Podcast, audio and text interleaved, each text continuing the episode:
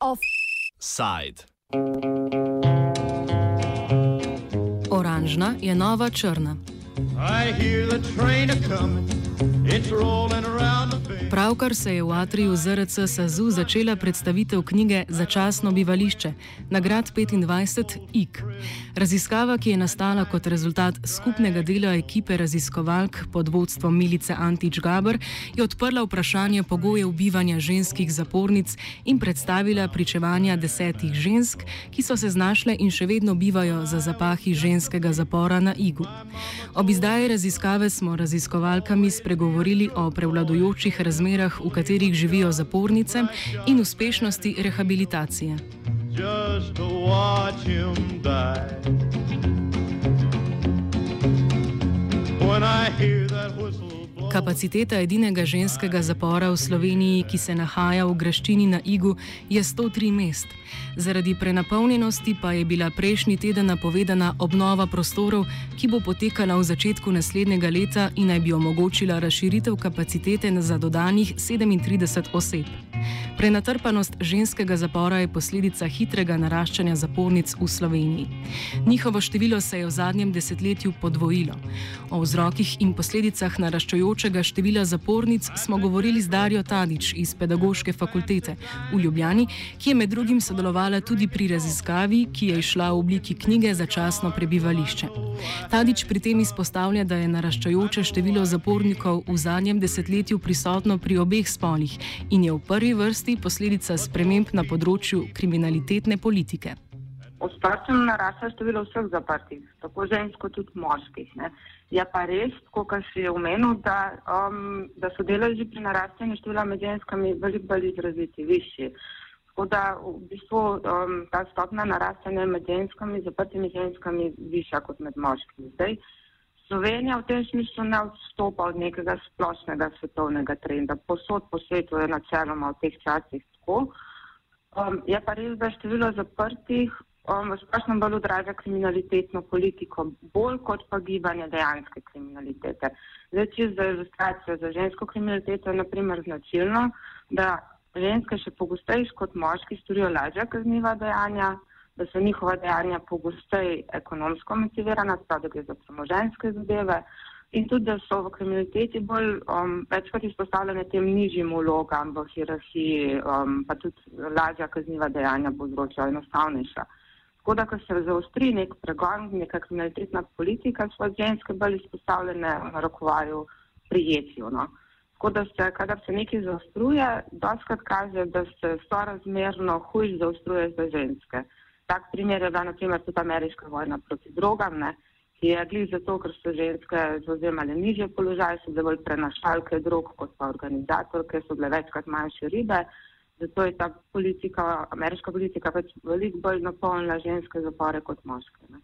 To, tako da zdaj za Slovenijo trenutno um, ta večji preskok v številu zaprtih se je zgodil leta 2012 um, in Ko analiza podatkov kaže, da predvsem na račun tistih, ki so šli v zapor prvič, torej prvič kaznovane zaporom, ki so storile premoženska kazniva dejanja, tako da utegne za temi podatki stati neko pojasnilo povezano s povečanim pregonom zopr premoženska kazniva dejanja, vključno z gospodarsko kriminaliteto.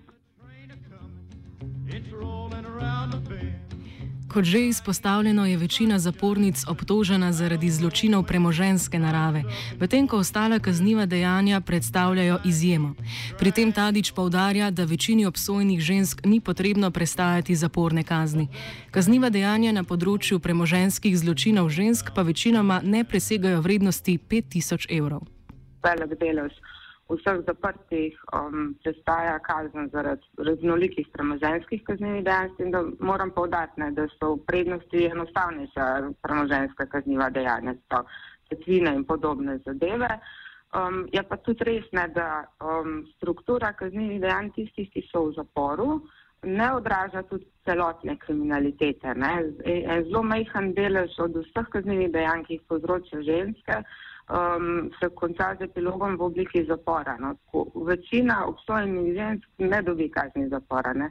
Zdaj, če pa vsem pogledamo, kdo so ženske oziroma katera kaznjiva dejanja so naredile, te, ki so v zaporu, se pa kaže točno to, ne, um, da je v bistvu delac največji delež tistih, ki je zasledovalo neko ekonomsko motivacijo, se pravi pridobiti neko premoženje. Druga kazniva dejanja so pa v manjšini, so pa redkost. Um, naprimer, kakršna koli nasilna dejanja ali pa dejanja z opr življenje in telo in tako naprej. Tudi te stvari so redkost, so, so izjemni primeri v kupici teh premoženskih.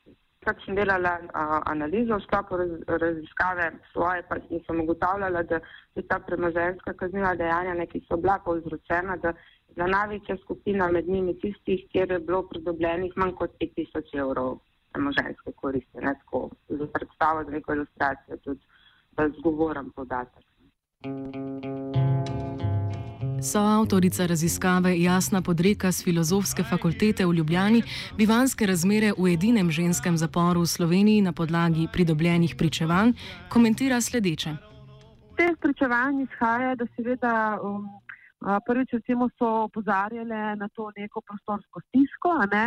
Um, takrat, ko smo mi opravljali intervjuje, uh, je bila delež zapornic zelo visok, nekaj čez to medtem ko so kapacitete na jih bistveno manjše, um, lahko jih je tudi po 14 v sobi. Um, tako da to so recimo izpostavljali kot neko to bivanjsko stisko. Zapor je tudi dokaj dotrajana stavba, to se že vidi, ko stopite noč, to ne mrzlo je. Um, ne, to so recimo izpostavljali um, in um, ne, seveda uh, so pogoji bivanja uh, kot taki uh, izredno um, zaenkrat ne najboljši.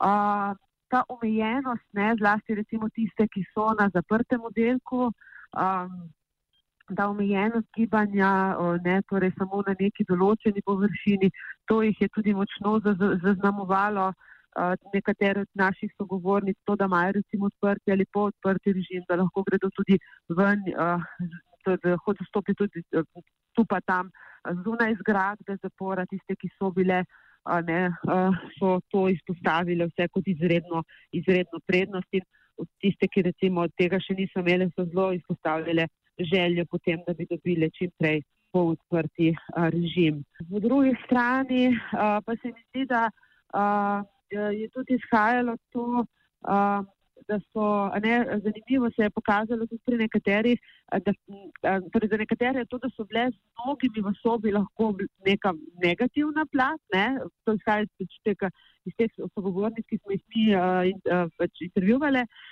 Nekatere pa so izpostavljale, da zato, ker so odnosi, ne, iz teh zgodb zdaj izhaja, da odnosi med njimi so lahko zelo težki in konfliktni. Ne? In uh, recimo iz nekaterih zgodb izhaja, da je lahko to, da, da je manjša soba, ne, da so samo dvema, s katerima se ne razumejo, v sobi lahko še večja kazen. Z Darjo Tadič smo govorili tudi o pogostosti povratništva v ženskem zaporu. Pri tem opozarja na zavajajoče povezovanje pojmov rehabilitacije in povratništva. Kot pravi, povratništva ne moremo razumeti kot kriterij uspešnosti rehabilitacije. Povratništvo ženskih zapornic v Sloveniji pa oceni sledeče. Te vrnitve um, v zapor, se pravi, govorimo o povratništvu. Um, zdaj, tako, To je zelo zmožljiva reč. V Sloveniji povratništvo pomeni, da si ti že bil v zaporu, bila v zaporu in prideš spet. In takrat rataš formalno povratnico oziroma povratnik. Zdaj, od vseh žensk, ne, ki so recimo v zadnjem desetletju prihajale na prestanje zaporne kazni, jih je približno tretjina že kdaj prej bila v zaporu. Sprav približno tretjina um, jih je bila že drugič v zaporu. Ne. S tem, da se je pa v bistvu ta delež skozi zadnje desetletje tako nižal, ne, vedno manjši je bil. Zdaj, načeloma, na prvi pogled se tak, tega podatka razveselimo, se kaže kot nek pozitiven podatek, ampak zdaj, če pa previdno še pregleda vse te trende in številke, se pa v bistvu vidi, da se je ta delež zmanjševal predvsem na račun teh, uh, ki sem jih omenjala, ki so prvič prišle na prestajanje kazni, ki so zdaj prvič obsojene predvsem na račun teh, ki so povzročile, ki so storile um, premoženska kazniva dejanja. Tako da, ko se, ko se je začel črpati zapor um, temi novimi, da rečem na rakovaji, prvič kaznovanimi, se je umetno znižil tudi delež povratništva. Zdaj, s tem v bistvu hočem povedati, koliko je to, ta govor o tem povratništvu zelo zmozljiv in tudi zelo uporaben pri, pri, pri kasnih političnih ali pa nepolitičnih argumentacijah. Da, zdaj, druga stvar je pa to, ne, da ta rehabilitacija in povezava s povratništvom se mi zdi tudi tako. Jaz sem zadržana do tega, da bi zgolj po stopni povratništva ocenjevali tudi neko uspešnost rehabilitacije v zaporu. Zdi se mi, da je človekova motivacija, odločitev, okoliščina, ki prispevajo k kaznivem dejanju, veliko širša od vpliva, ki ga ima na osebo nek zapor. Ne. Um, da no, jaz mislim, da novo kaznivo dejanje in vrnitev v zapor ne odraža pa zgolj tega, kakšna je, je bila rehabilitacija v zaporu, ampak tudi to, ne, v kakšno družbo, kakšne življenjske okoliščine oseba gre po, po prestani kazni zapora. Tako da temu odvračanju od ponovnih kaznjivih dejanj pravzaprav prispevamo mi vsi, družba cela, sistem kot tak. Um, To, kakšne pogoje dajemo osebam, ko se vrnejo iz zapora, kakšne možnosti imajo, kako stigma jih spremlja in tako naprej. Tadič dodaja, da se ženske v zapore vračajo bistveno manj pogosto kot moški ženske posod po svetu, tudi, tudi, tudi v Sloveniji, v zapor vrnejo bistveno manj pogosto kot moški. In tako je tudi prva stopna povratnica, recimo med ženskami, je skoraj pol nižja kot med moškimi. Zdaj ne vemo, zakaj v Sloveniji je tako. Večina tujih študij raziskav pa kaže, da zato, ker ženske po prestani kazni tudi um, so bolj pripravljene pač pristati v neko življenje v revščini, v životarjenju, so bolj pripravljene tudi biti finančno odvisne od drugih oseb in zato se pač enkrat odločijo ponovno neka kazniva dejanja, um, storiti pa tvegati v zapor. Um, zdaj mogoče, kar se te rehabilitacije tiče, no, sem tudi to razmišljala, ta novo izdana knjiga ne, o življenjskih zgodbah um, je tudi meni odprla en kup enih novih vidikov tega pojma rehabilitacije. Ne. One so zelo različno to doživljale in iz njihovih zgodb zelo različno izhaja. Ne. Recimo, ene so sporočale, da sprememb sploh ne rabe, da se one ne rade spremeniti, zaradi tega, ker bo kaznivo dejanje pač nek dogodek, neko dejanje, ki sicer za njih ne tipičen način življenja. Ene si želijo sprememb, sporočajo, da v zaporu zato sploh nimajo možnosti. Spet tretje so se prednost v tem prestanjem kazni zapora ukvarjali s tem, kako bi sploh preživele, kako se soočati z vsakdanom v zaporu, tako da jim neka rehabilitacija je bila čist neka drugotna tema. Um, tako da skratka, no, to, to, ta pojem rehabilitacije se mi zdi tako zelo kompleksen, pogosto, pogosto pa v, prav se fokusiramo na ta vprašanje rehabilitacije v smislu, ne, um, koliko zdaj ta rehabilitacija lahko vpliva na neko kriminaliteto v državi. Jaz mislim, da še od vseh drugih dejavnikov še najmanj.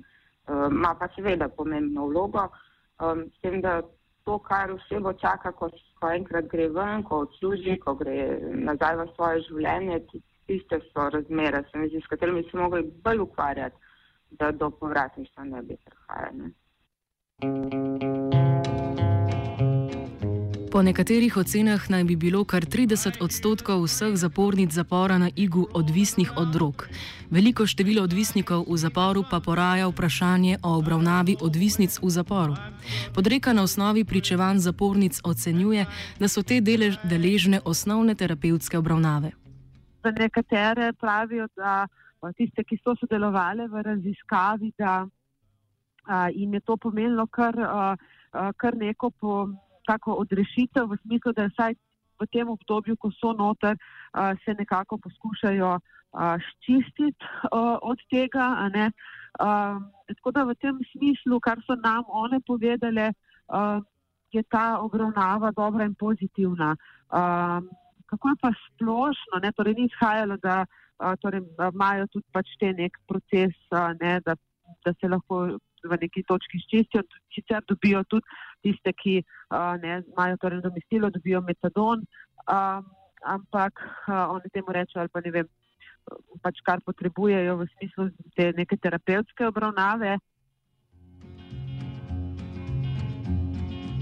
Pomemben vpliv na kakovost bivanja v zaporu pa predstavljajo tudi socialno-ekonomske razmere, iz katerih prihaja zapornica.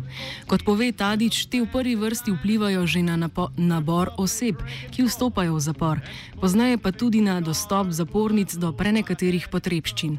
Že nabor oseb, ki pride v zapor, kaže na to, da se um, možnosti za narekovaju pristanek v zaporu neenakomerno distribuira po, v družbi, glede na to, kakšen socialno-ekonomski status imajo osebe. Ne. In v zaporih so večinoma, ne zgolj, večinoma pa osebe iz nižjih socialno-ekonomskimi statusi. Ne.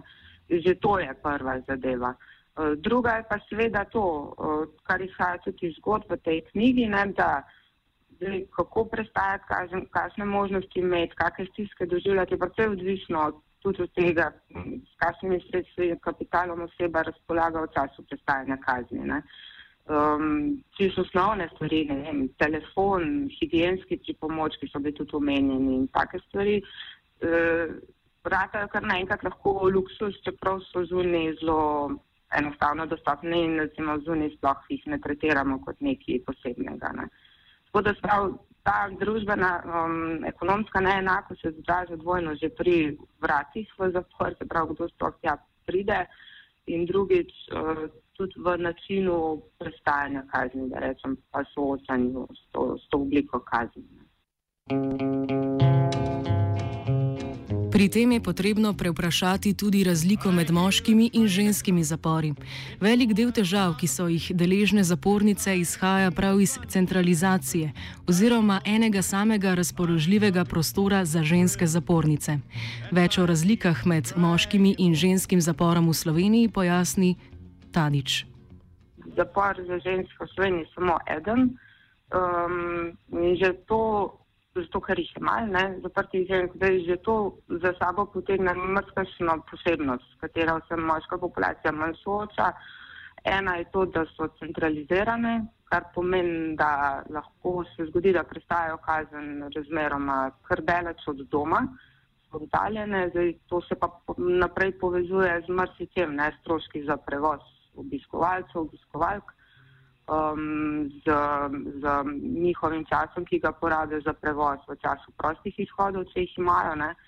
Um, Bolj ta centralizacija, centralizirani način prestajanja kazni za nje pomeni tudi, da ni premestitev, uh, kar se recimo v moških zaporih lahko dogaja, ne, da se osebo kam premesti, naprimer v primerih konfliktov in tako naprej.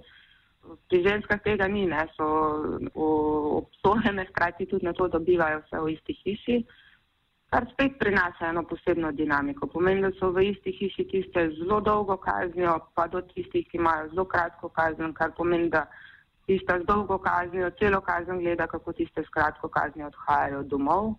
To, to so recimo že neke take posebnosti, ko, ki, so, ki izhajajo čisto iz tega, da je glede na spol organiziran samo en uh, zapor. Ne.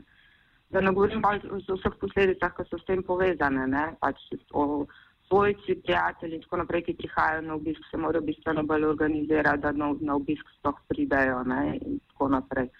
Tako da že samo to, da je en zapor, prinese veliko za sabo. Ne. Pa so pa še druge stvari, druge posebnosti. Eno je zagotovo to, da tudi v, v slovenskem ženskem zaporu se kaže, da so ženske med prestanjem kazni bistveno bolj konforne, kot moški se bolj, bolj sledijo pravilom, zaporskim pravilom, ne kot moški. Recimo, to je ena taka stvar. Ampak vse to je zelo tudi tipično za druge sisteme. Um, tako da v tem smislu smo sicer žal podobni uh, drugim zaporskim okoljem. No. Offside je pripravil žiga.